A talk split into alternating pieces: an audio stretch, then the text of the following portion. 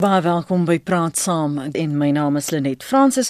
Baie dankie dat jy by ons aangesluit het op 100.104 FM wêreldwyd by rsg.co.za dan ook op DStv kanaal 813. Suid-Afrika, Indië, Australië en Nieu-Seeland is van die lande wat die einde van die Eerste Wêreldoorlog 100 jaar gelede Sondag herdenk het. Daar was verskeie seremonies om hulde te bring aan miljoene landgenote wat hul lewens verloor het. 'n 2 minute stilte word reeds sedert 1919 jaarliks op Wapenstilstanddag om 11:00 op die 11de dag van November gehou om die einde van die oorlog te herdenk. So wat is die ideologie wat die klimaat geskep het vir 'n Eerste Wêreldoorlog? Ons gaste vanoggend is Theo Venter, hy's politieke ontleder by Noordwes Universiteit se Besigheidsskool. Goeiemôre Theo. Goeiemôre Lenet. En ons gesels ook met Dr Ina Gous, politieke ontleder verbonde aan die Universiteit van die Vrystaat. Goeiemôre Dr Gous. Goeiemôre. Theo, kom ons val met jou weg. Hoe het die wêreld gelyk wat tot 'n oorlog gelei het? Watter ideologie was in plek wat die teelaarde geskep het? Wel, uh dis 'n baie interessante vraag want ons sit na die einde van die Eerste Wêreldoorlog 1918 sit ons met 'n met 'n wêreld waar demokrasie nog in sy kinderskoene staan. Waar in die meeste lande in die wêreld vroue nie stemreg het nie. En in sommige lande in die wêreld die wat self demokrasie noem, mans ook net gekwalifiseerde stemreg het. So dis 'n wêreld wat heeltemal anders lyk as die wêreld waarin ons vandag gewoond is. En dan het ons nog boonop 'n goeie mengsel van monargie, aan die ander woorde waar konings 'n uh, soort van alleenheersers is. En ons het um, 'n goeie klomp lande wat na die Tweede Wêreldoorlog eintlik um, ekonomies gebroke uit die oorlog uitkom. En daar is niks wat ideologie en interessante politieke idees so aanvuur soos lande wat ekonomies gebreek is of mense uit die as moet opstaan nie. En die twee belangrikste ideologieë wat later eintlik aanleiding sou gee tot die Tweede Wêreldoorlog natuurlik die opkoms van fasisme in Italië en nazisme in Duitsland wat uh, wat altyd die vermoë gehad het om mense te mobiliseer en uiteindelik in staat te stel om minder as 20 jaar later uh, weer in 'n oorlog te wees uh, in die sin dat hulle um, mense rondom idees en rondom dinge so kon mobiliseer dat hulle bestaande demokrasie en dis die dis die ironie van Duitsland dat Duitsland het vanuit 'n demokrasie in 'n totalitêre staat in ontwikkel en Italië in 'n sekere sin uh amper dieselfde maar die demokratiese um posisie in Italië was minder duidelik as in Duitsland. So so dis 'n dis breedweg die die die politieke wêreld wat ons bekleed beleef vir daai tyd. En maar benewens die feit dat mense gebro ekonomies gebroke is, wat maak 'n land of 'n 'n volk of mense vatbaar? Is dit 'n karismatiese leier wat 'n idee, ideologie kan verkoop? Is dit hulle omstandighede? Is dit die soeke na iets beter? Wat maak daai dit dit moontlik vir mense om op loop te gaan met 'n ideologie? dat dit tot nog 'n oorlog kan lei of dat dit 'n wêreld so kan verdeel in vyandskap kan skep? Wel, dit is 'n kombinasie van 'n klomp faktore en die die rol van 'n charismatiese leier en daaroor is al verskriklik baie geskryf. Dit is natuurlik 'n baie baie belangrike deel van hierdie hele mengsel. Ehm um, want die wat die charismatiese leier doen, is hy neem al hierdie faktore wat mense rondom hulle sien en dan doen hy iets wat uh, Pravin Gordhan vir ons nou die dag so mooi gesê het toe hy gesê let's connect the dots. So hy gaan en so charismaties wat hy vat selektief goed en hy sit dit bymekaar en hy sê vir die mense sien julle nou hier. Hier is nou presies die mengsel. Ons neem nou maar Duitsland wat tot Duitsland se ondergang gaan bydra. En deel van daai mengsel is 'n uh, 'n uh, 'n wêreld wat onregverdig is teenoor Duitsland. Jode wat die ekonomie domineer en wat maak dat ek en jy as gewone noem dit dan etniese Duitsers um, nie 'n rol gaan speel in die land nie. En daar is hierdie probleem en daar's daar 'n probleem. En daai stuk grond behoort eintlik aan ons wat onregmatig aan ons weggevat het vat is. Soos hy al hierdie goedjies bymekaar sit dan word hy die vertolker van hoe mense voel. In die oomblik wat mense aanvoel en dit dis hoekom charismatiese leiers en ons het van hulle ook in Suid-Afrika ons het uh, ter Blanche gehad, oorlede Eugene ter Blanche. Ons het op die oomblik vir Julius Malema. Ehm um, dis tipiese voorbeelde van hierdie leiers wat wat eintlik mense wat die vermoë ontwikkel het met 'n persoonlikheid en 'n samestelling om mense op sleeptou te neem op grond van sy absoluut ehm um, eensidedige siening vir hoe die wêreld lyk. Ina Ek dink ek stem daarmee saam. Ek dink dit dit, dit loop ook ehm, 'n um, pad. Jy weet dit begin by 'n punt. En jy moet daai omstandighede hê. En jy weet ekonomiese omstandighede is gewoonlik, jy weet sosio-ekonomiese omstandighede is gewoonlik die die die die beginpunt daarvan. Maar die tipe leiers en tipe persone wat hierdie hierdie proses aan die gang sit, as ek dit sou kan stel, is ehm um, baie bewus van wat om hulle aangaan en, en hulle is gewoonlik baie goed om met met my tydsberekening. Ehm um, wil dit begin byvoorbeeld by die idee van om tradisies ehm um, amper kulte status te gee. Ons moet hou by ons tradisies. So jy begin daar by die kern van wat jy dink 'n kern is van jou land se mense en hoe hulle voel en wie hulle is. En jy begin daar kern aan aan hulle gevoel en jy kry hulle om modernisme byvoorbeeld te verwerk want dit is ons kultuur beskerm. En dan begin jy met um, boodskappe soos ons moet gereed wees vir aksie. Ehm um, jy weet tipies uh, retoriek wat ons in Suid-Afrika sien met Malema is, jy weet ek is gereed, jy moet reg wees vir oorlog. Ehm um, en reg wees om tot aksie oor te gaan. En om nie met jou saam te stem nie is om die saak te verraai. So jy begin daai boodskap hmm. voorhou. En jy begin vrees inbring vir alles wat anders is as jy wat nie dieselfde dink as jy nie, dieselfde lyk like as jy nie. En dan begin jy die frustrasies uitbuit van die die meerderheid wat jy sê jy wil beskerm.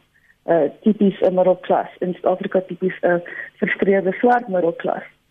Ehm um, in Duitsland was dit stuur dan net gesê het mense wat uh, jy weet gebukke gaan onder geweldige ekonomiese druk en Jode was voorgehou as 'n groot rede vir daai frustrasie. En jy begin daai boodskappe kultiveer as ek dit so kan stel en uit 'n beweging op die manier. En voor jy oor uitvee hulle net, het jy 'n beweging wat reg is vir daai oorlog wat dit gaan ondersteun en wat blindelings die leier gaan voel. Mm. Ek onthou 'n um, vriendin van wyle vriendin van ons wat in ehm um, Adolf Hitler se um, oorlog en sy was 'n verpleegster en was deel in in het vir my foto's gewys van die die marse gewys van die vergaderings en die twee goed wat julle nou albei na verwys het herinner ek my het sy na verwys die vrees verander. So 'n vyand is geskep en die vyand was die Jode en hulle veiligheid was voorgehou as julle veiligheid word bedreig as ons onsself nie beskerm nie soos jy sê gereeldheid gereed wees vir wat as dit gebeur, wat as dat gebeur. Um en en dis baie interessant dat ons vandag dit sien en julle moet my reg help hier. As ons sien die verdagmakery met um xenofobie, met migrante, dat daardie elemente teo weer teenwoordig is. O ja, en ehm um, uh en en en so 'n omgewing wat jy beskryf is die is die rol van die leier wat gewoonlik charismatiese kenmerke het, 'n baie baie sterk, ek wil amper sê 'n aggressiewe ideologie. En onthou nou die rol van ideologie is hier net so belangrik as die tipe leierskap en as 'n mens nou Duitsland en en Italië tussen die twee wêreldoorloë neem, dan dan sien mense baie mooi gedemonstreer. 'n Ideologie is 'n vereenvoudiging van die wêreld daar buite. Nou in 'n sekere sin kan 'n mens ideologie op 'n sekere vlak vergelyk met met religie of godsdiens. Godsdiens maak vir jou 'n komplekse prentjie in jou kop eenvoudig. En dis wat ideologie in die politiek doen. Dit neem 'n 'n prentjie en dit word vir jou opgesom in 'n paar um, eenvoudige stellings. Dit word vir jou versinne beeld deur 'n mens of deur iemand wat daaroor praat. Saam daarmee 'n noodwendige deel van hierdie mengsel is daar is 'n beweging of 'n politieke party of iets waaraan jy noodwendig moet behoort want hierdie party is die antwoord op hierdie vraagstukke wat die leier vir jou dan so mooi in kanne en kruike kan verpak en dan die heel belangrikste ding is jy word aangevuur tot aksie. Jy word gesê om sekere dinge te doen of nie te doen nie. Ehm um, in 'n in 'n baie kleiner sin as 'n mens nou na hierdie ontwerpie kyk en jy kyk na wat Black First, Land First in Suid-Afrika doen met Andile en Kretana, dan sien jy hoe hierdie prentjie om voor ons ontvou. Wat jy kan doen. Daar was nou die dag 'n gesprek tussen hom en Dawie Rood wat in die Kaap plaasgevind het verlede week en en ek het so lekker gelag toe ek na die prent gekyk het want of of die die video klip van Dawie Rood probeer tipies doen wat 'n ekonom doen en dit is om met die feite om te gaan en te sê wat is die implikasies en hierdie is die konsekwensies en al, al wat Andile doen. Hy kom net elke keer sterk terug ideologiese argumente en met ehm um, sielkundige argumente en met aggressiewe argumente. So in 'n sekere sin praat hulle by mekaar verby en dit is wat wat 'n wat 'n charismatiese leier wat jy in hierdie mengsel sit van 'n baie uh, aggressiewe ideologie so moeilik maak byvoorbeeld om in 'n openbare debat mee te tree of op 'n politieke platform met hom te verskyn of haar wat daar so vroulike ehm um, uh, leiers wat baie sterk charismatiese rolle vertolk. Ehm um, so nee wat hierdie hierdie is in die politiek uh, oor baie jare een van die sterkste vorms van mobilisering. Kom ons hoor gou wat sê ons luisteraars as ons vanmôre praat oor die ideologie wat die klimaat geskep het vir 'n Eerste Wêreldoorlog en of ons spore daarvan in ons moderne tyd sien. Dis 19 minute oor 8. Jy kan saampraat op 0891104553 of andersins vir my 'n SMS stuur na 45770 en elke SMS kos jou R1.50. Elisabeth, wat het jy op die hart môre? Goeiemôre Lenet, dankie vir die vir die voorreg. Lenet, ek bly ek is woonagtig in Menenberg, ongeveer plus minus. Hey, Jenne. Ooh, asseblief, Elisabeth, bel vir my weer terug. Ek hoop jy het ligtyd. Uh bel vir my terug asseblief. Jan, wat sê jy? Môre, ja. Ehm um, nee, ek hoor julle praat baie sterk oor die Tweede Wêreldoorlog en dis baie identifiseerbaar met Hitler en eh uh, Italië. Maar eintlik is jou onderwerp wat aanleiding gee tot die Eerste Wêreldoorlog. Nou baie interessant word beskryf in die boek van Genius to Genocide, die verhaal van Fritz Haber, wat die Duitse Jood was wat onder andere die stikstofsintese eh uh, vermaak het. Maar hy was ook die man wat die mosterdgas en Zyklon B gas ontwikkel het. En wat word beskryf word is dat in die middel van die 1800s toe treine in die telegraaf ingekom het, kon die mense in Duitsland dit nie hanteer nie. Want tot op daardie oomblik het alle kommunikasie en verskywing van goedere teen die spoed van 'n perd beweeg. Toe kom die trein in die telegraaf en daai verandering het soveel spanning en soveel stres op die samelewing geplaas dat hulle dit nie kon hanteer nie. Die gevolg is einde van die 1800s, dat daar oor die 70 stadiums. Alle mense toe gaan dit net probeer om op op mekaar te kry teen die tyd wie die Eerste Wêreldoorlog aangebreek het, het die Duitsers letterlik gejuig omdat hulle hulle van daai spanning en daai opbou van die stres kon ontslaa raak en iets doen om net hierdie ding wat so lê op hulle nekke. So veranderde omstandighede dink ek wat vinnig verander is 'n groot groot sneller vir 'n oorlog. En ons sien dit vandag weer, die verandering in die tegnologie druk mense dat hulle later dit nie meer kan hanteer nie. Dankie vir daardie agtergrond Jan waardeer hmm. die die inligting. En miskien net vir ons luisteraars wat dalk laat by ons aangesluit het herinner, ons praat nie noodwendig oor die omstandighede net nie. Ons praat oor die ideologie en watter ideologie het die waar Eerste Wêreldoorlog ryp gemaak vir 'n uh, Eerste Wêreldoorlog. Watter spore van daardie ideologie sien ons moontlik weerspieël in hierdie moderne tye? En dit is wat ek net wil hê jy moet asseblief hou jou kop byhou. Theo Venter is politieke ontleder by Noordwes Universiteit se besigheidskool en Dr Ina Gous is politieke ontleder verbonde aan die Universiteit van die Vrystaat. Miskien Dr Gous, is dit dan gepas dat ek vir jou vra, hoe sou jy vir 'n leek die konsep of die ideologie van van fasisme verduidelik?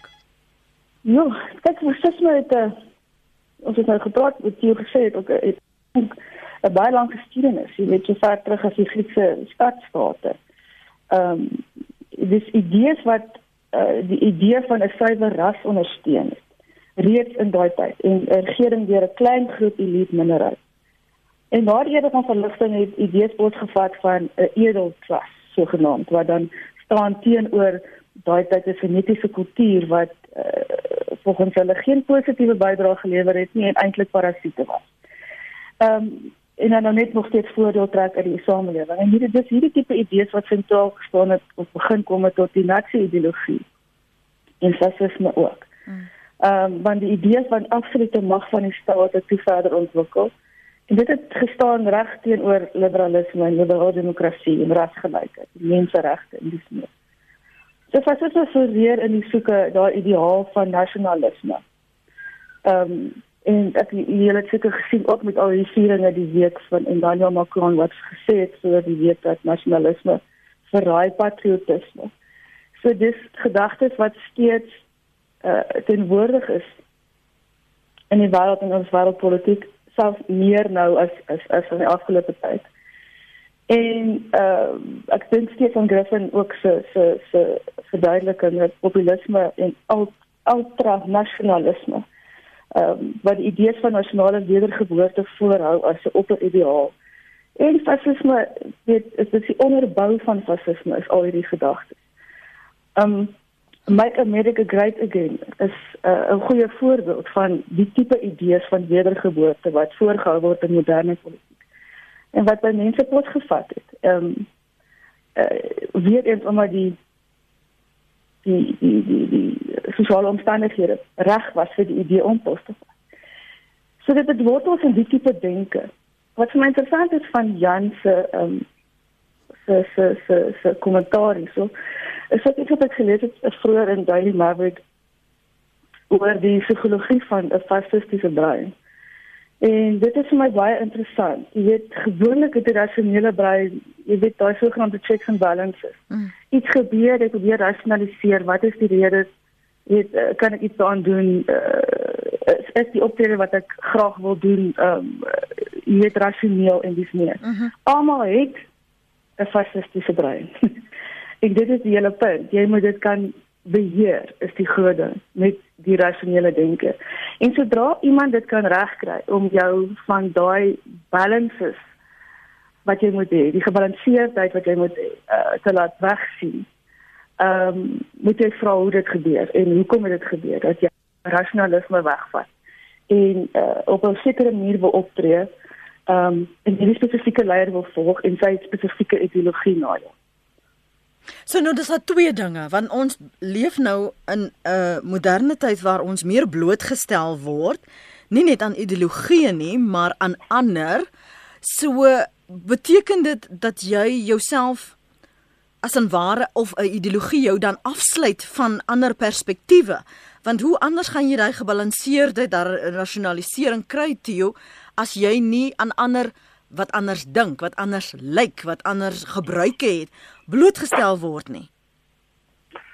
Jong, hier is uh, hier is 'n hele klomp goed wat mense bymekaar moet sit en ek wil begin mm -hmm. by by 'n mens se persepsie.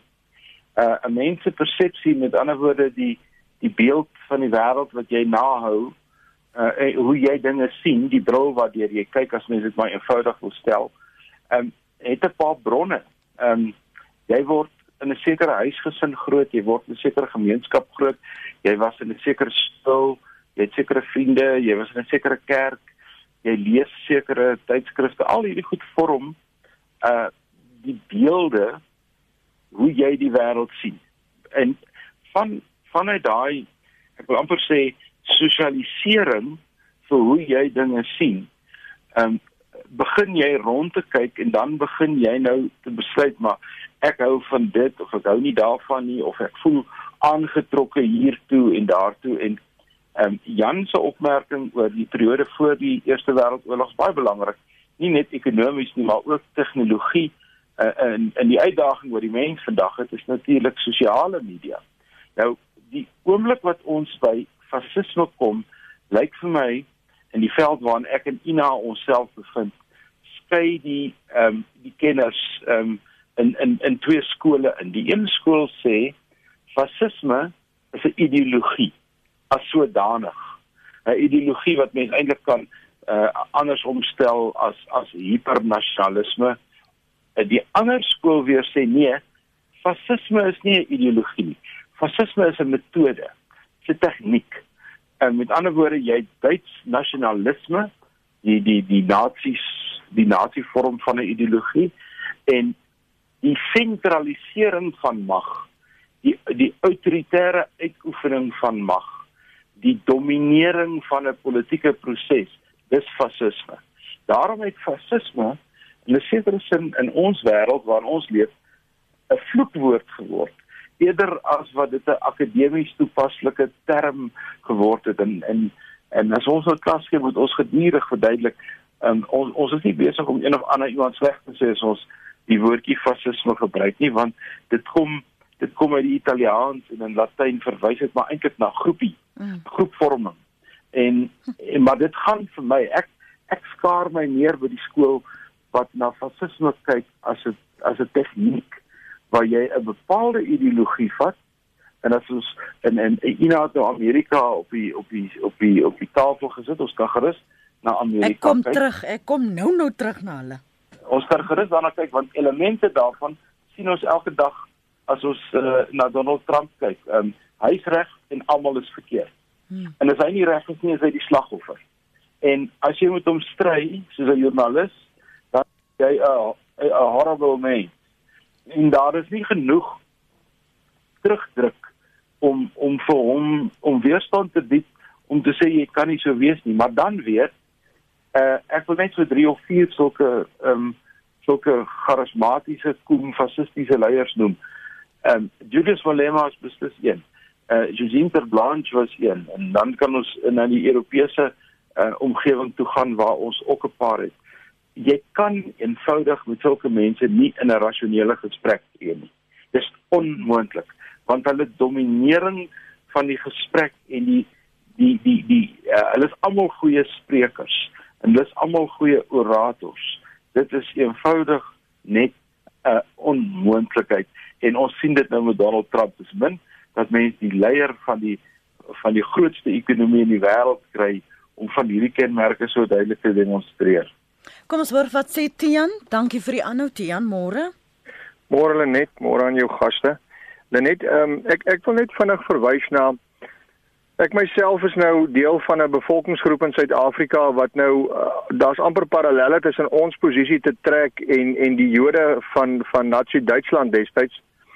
Uh nou hoor ek na die gaste verwys uh, gereeld na die kom ons noem dit dan nou maar die die die gebruik of die misbruik van die valse persepsie dat daar 'n wesenlike bedreiging bestaan. Maar hoe nou gemaak as daai bedreiging nie 'n valse bedreiging is nie? Ehm um, So die antwoord vir my daarin lê as jy as jy 'n belangrike potensiële katalisator vir 'n tweede of 'n eerste wêreld scenario wil wil wil elimineer. Is kom ons maak seker dat hierdie sogenaamde demokratiese prosesse dan nou voorkom dat daar wesenlike en bewese uh, bedreigings bestaan vir bepaalde bevolkingsgroepe soos die Jode van 1940 of in Suid-Afrika se geval uh, kan jy seker in Hebreë sê die die blanke minderheid maar meer spesifiek die Afrikaner as as 'n bevolkingsgroep.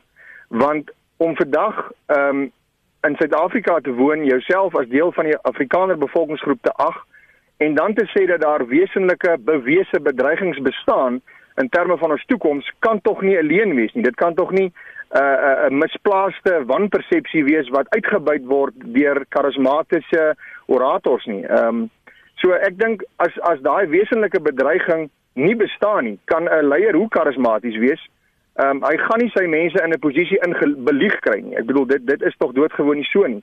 So ek ek wil graag hoor wat het hulle daaroor te sê en dan net om om, om jy af te sluit, dink ek nie moet ons enige politieke beweging wat nou nie lynreg belyn is met die liberaal ehm uh, humanistiese denke van ons dag uh moet ons nie noodwendig uitkry as fasisme of nazisme of of of uh, Stalin en 'n Marx van soorte nie. Ek ek dink uh daar is beslis 'n stuk behoudende konservatiewe politiek wat oor die hele wêreld heen besig is om veld te wen wat nie noodwendig vergelyk hoef te word met met 'n met 'n Adolf Hitler van ouds nie. Dankie Lenet, ek luister by die radio. Dankie Tian. Dr Gous. Ja, dit is natuurlik nou baie moeilik is.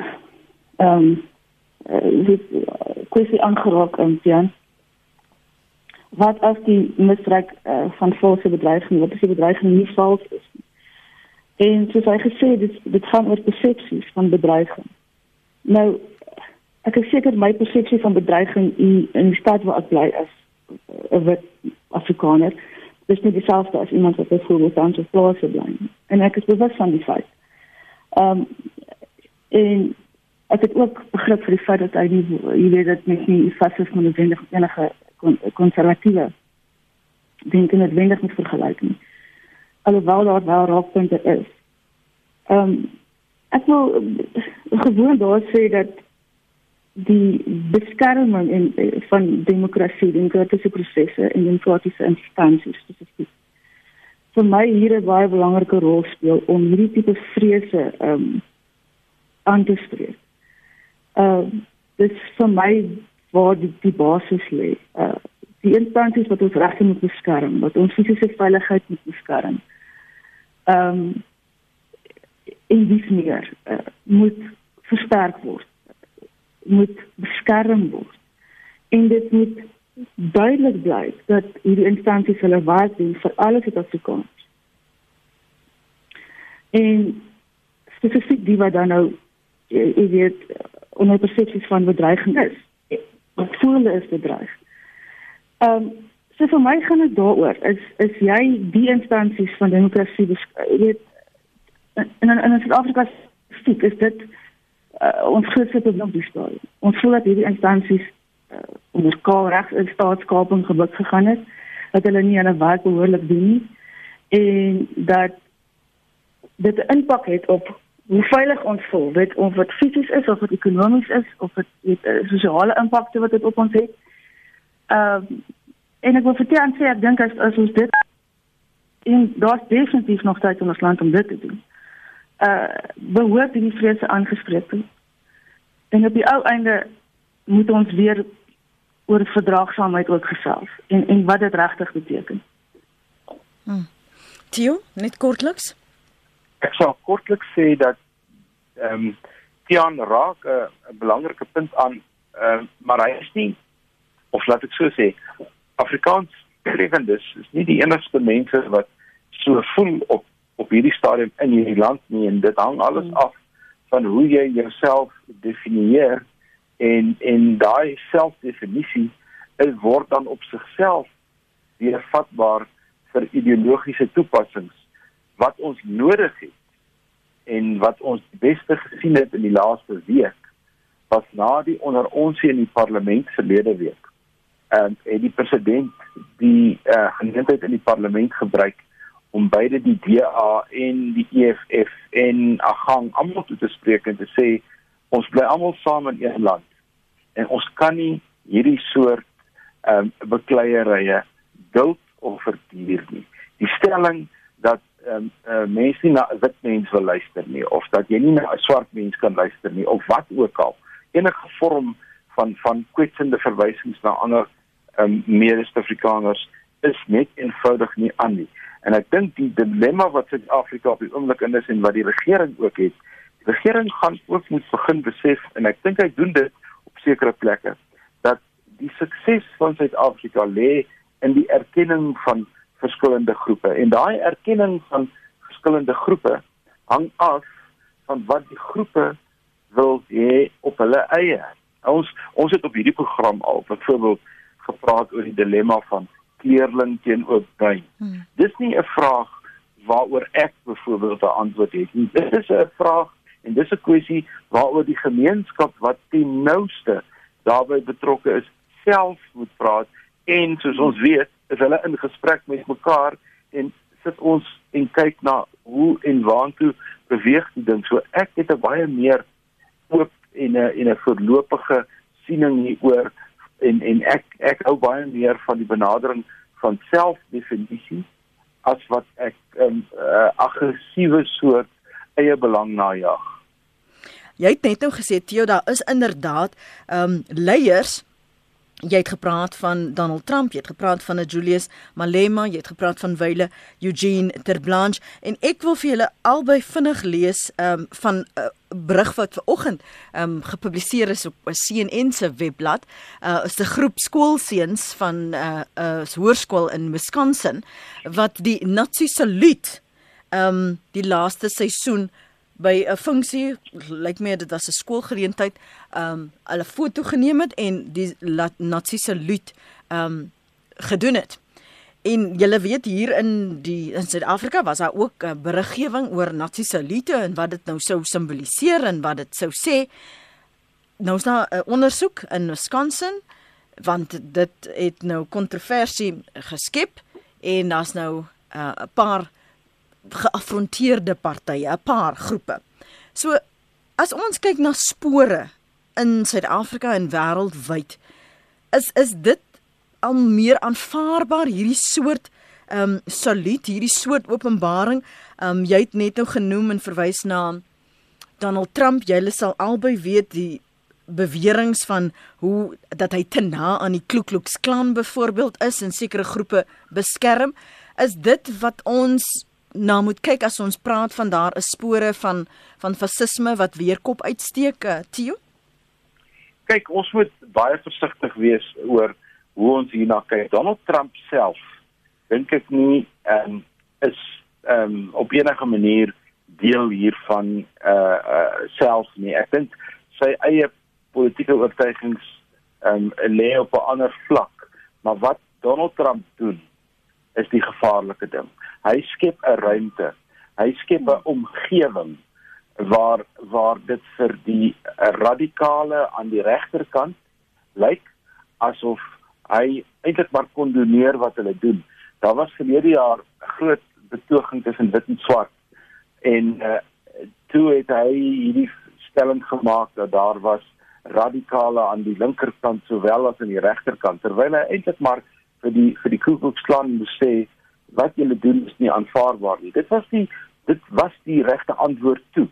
Maar deur te sê dat aan beide kante skep hy nou hierdie ruimte en die oomblik wat jy die ruimte skep, dan gaan mense natuurlik daardie vakuum wat nou daar ontstaan invul en aanvul en jy gaan meer mense kry wat voel goed. Ons is nou in 'n veilige omgewing om meer van hierdie goeders te doen. Soos ons weet in Amerika, uh, die vryheid van spraak, die reg op vryheid is is is baie baie baie gesofistikeerd en baie ver ontwikkel en en uh, dit word op die oomblik teelaarde. Ek persoonlik dink dat die Amerikaanse media is heeltemal te mak om baie ja. van die gebeure oor die laaste tyd waar mense um, met meer as normaal um, in in skieterye betrokke raak, die reg in eie hande neem, pypbomme stuur. Nou, dit is nou net vir 'n oomblik as jy reeds geradikaliseer is in jou gedagte. En Donald Trump staan op 'n verhoog en hy praat van Hillary Clinton en hy noem haar 'n skelm of hy noem haar een of ander afbreekende naam. Jy gaan terug in jou karavaan waar jy bly en jy sê ek moet nou vir Donald Trump uithelp hier. Want alhoewel hy dit nou gesê het, gaan ek nou hier volgens optree. Dis waar die koneksie lê, dis waar die knoop lê met hierdie goed waarvan ons praat. Ina?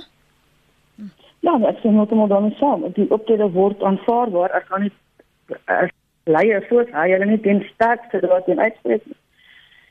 Die ding is met leiers is hierdie hulle weet waar hulle basis is. Hulle weet waar die ondersteuning is. En dan spesifiek as jy besig is met 'n uh, verval tog of jy of die eerste 100 dae van jou presidentskap is dit die laaste mense wat jy wil afronteer. Mm. So jy gaan hierdie probeer 'n middelweg tipe van uitlatings maak wat die spesifieke geleentheid is wat hierdie tipe mense soek. Ehm um, of, of en baie lank voor gewag het spesifiek in Amerika as jy dit so kyk. En alle optrede wat daar is, is dringend uh, jy weet optogte en dit is uh, klein insidente wat mense op sosiale media raak sien. Uh, jy weet daar was nou 'n wit vrou wat uh, op op op vrouens gegil het wat besig is om Spaans te praat in 'n winkel. En die tipe ding sê al meer die kop uit. Uh, hier is spesifieke mense wat hom ondersteun voel die kans om se stuur vir hierdie gedagtes wat hulle net loop te uiter en om uh, tot aksie oor te gaan en baie breed op te tree in die opsig. Hmm. En dit was rigting mag inslaan. Uh rondom hierdie spesifieke situasies is uh wat jy as ondersteuner van so 'n tipe leier wat dit fasistiese neigings het as mens dan sou kan stel. Ehm um, wat jy bereid is om oor te sien van so 'n leier en wat so 'n leier bereid is om oor te sien van die wat hom ondersteun. Ehm um, byvoorbeeld met uh, wat mense sê sy uitlatings is is rassisties. Hulle weet dit. Want jy jy dan net sien en, ek gepraat met mense daar al daar aan die syde was, weet van sy om En sê hulle hulle weet hy's rassisties. Hy hulle weet hy dalk verkeerd opgetree het vrouens, dan kom die maar. Maar hy bring beter opsigte, 'n beter beleid vir vir die ekonomie. Hy het belasting minder gemaak. Wat jy bereid is om oor te sien van so 'n mens, sê baie van wie ondersteuners is en wat jy dan gaan doen. Ehm um, wat hulle eie optrede aanbetref, gaan jy jou daarin uitvlek of gaan jy dit probeer oorsien? Hmm. Kom ons lees wat sê sommige van ons luisteraars. Ehm um, baie wat nie dink julle het uh, voldoende gereageer. Dirk, 'n spesifieke persoon wat dink julle het nie voldoende gereageer op Tian se kommentaar nie. Ehm um, aan liewe ander luisteraar, liewe Lenet het net gesê sy het dit ver oggend op CNN se webblad gesien. Sy het nie gesê dit is net ver oggend gepubliseer nie. Uh nog 'n een sê ons word deur die ANC geposisioneer. Uh dis Niels Marnowik. Ek hoop ek spreek jou van korrek uit. Ander een sê as ons praat, ook glo dat die moderne mens is nie meer bereid om vir sy land oorlog te maak en sy lewe af te lê nie, sê Kobus op Middelburg. Um dan wat is julle opinie oor Oranje? Is 'n Afrikaner tuiste nodig? Vra Pieter. Ek wil net vir jou vra Theo, jy het net nou gepraat as ons praat oor moderne tye en jy het Julius Malema se naam genoem. Kom ons beweeg weg van Amerika en Donald Trump. Ons maak die Trumperteurs weer hier on, ongelukkig. Wat omtrent Julius Malema glad die waarskuwingsligte vir jou afgaan as ons praat oor fasisme? Wel, twee of drie goed. In die eerste plek is hoe hy die EFF bestuur. Die EFF ehm um, se hele partytetiese bestuursmodel is gebaseer op 'n soort militêre model. Hy is die hy is die commander in chief. Met ander woorde, een van die eerste goed wat mens kyk as jy na fasisme kyk, is die beheer wat die leier oor sy party het.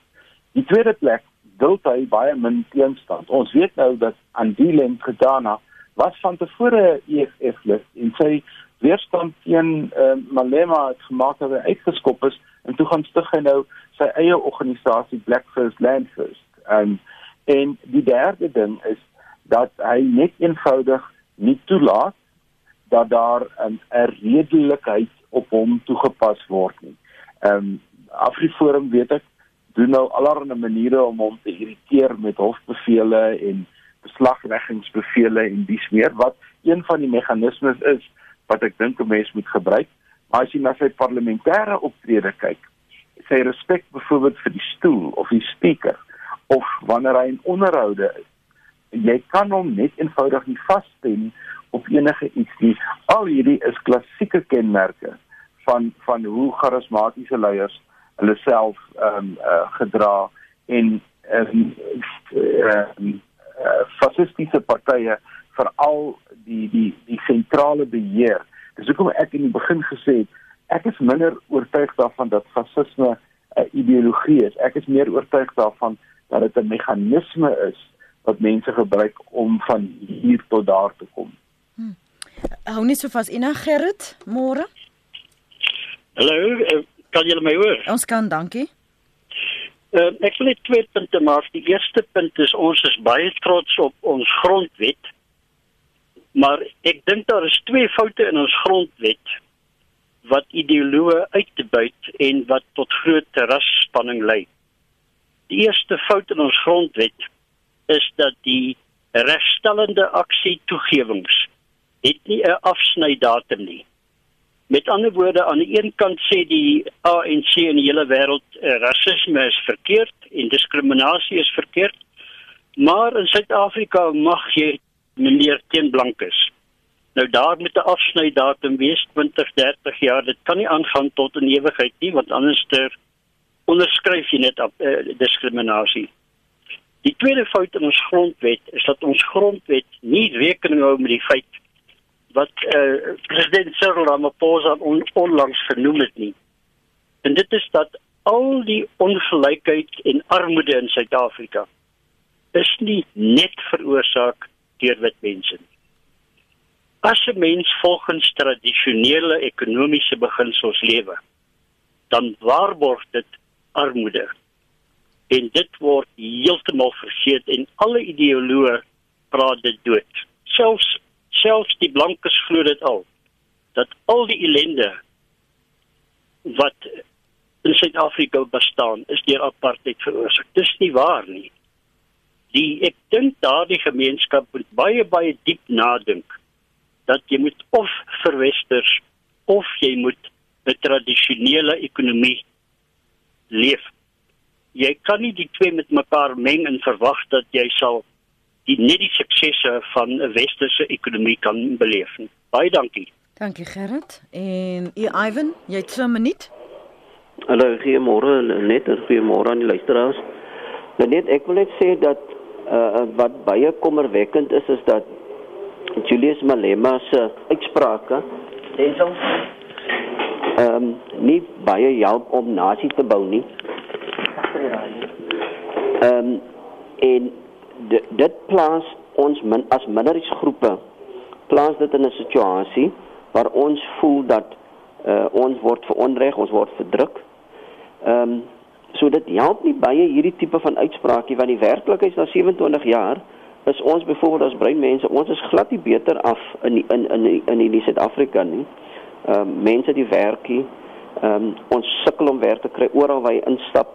Ehm um, is daar net eenvoudig nie werk, die ekonomie is swak. Ehm um, so hierdie tipe van uitsprake aan die einde van die dag dryf 'n mens daarna toe dat ons ons moet self organiseer as breinmense want na 27 jaar het ons op 'n kruispunt gekom waar ons moet iets self vir onsself doen. Ons moet self leiding neem. Um, om te oorleef in hierdie land want dit is net verskriklik dat hoe dit gaan op die oomblik van geweld af tot werkloosheid um, en dit help ons nie vir ons om hierdie mooi land van ons uh vorentoe te gaan om 'n uh, nasie te bou nie dit dit help nie sy uitspraak hy is onverantwoordelik en hy maak van die hele parlement 'n grap Dankie vir jou mening daar. So terwyl ons afsluit Dr. Gous, wat is dan die teenvoeter? Ja, ons het 'n paar weke terug gesels oor kritiese denke. Mm. En dit is steeds vir my, jy weet, die belangrike ding. Ehm um, om om om daai aspek van van jou denke, van van jou persepsies en dit wat jy op boord stel. Ehm um, is vir my belangrik. Dit is 'n belangrike teenvoeter vir die tipe optrede, vir die tipe uitlatings en vir die tipe ondersteuning wat so 'n persoon kry. En Ivan is heeltemal reg. Is die uitlatings wat hy maak is rasgedrewe. Dit ehm um, is dit druk skade aan en dit help beslis nie die projek waarmee die land besig is nie of moet besig wees nie.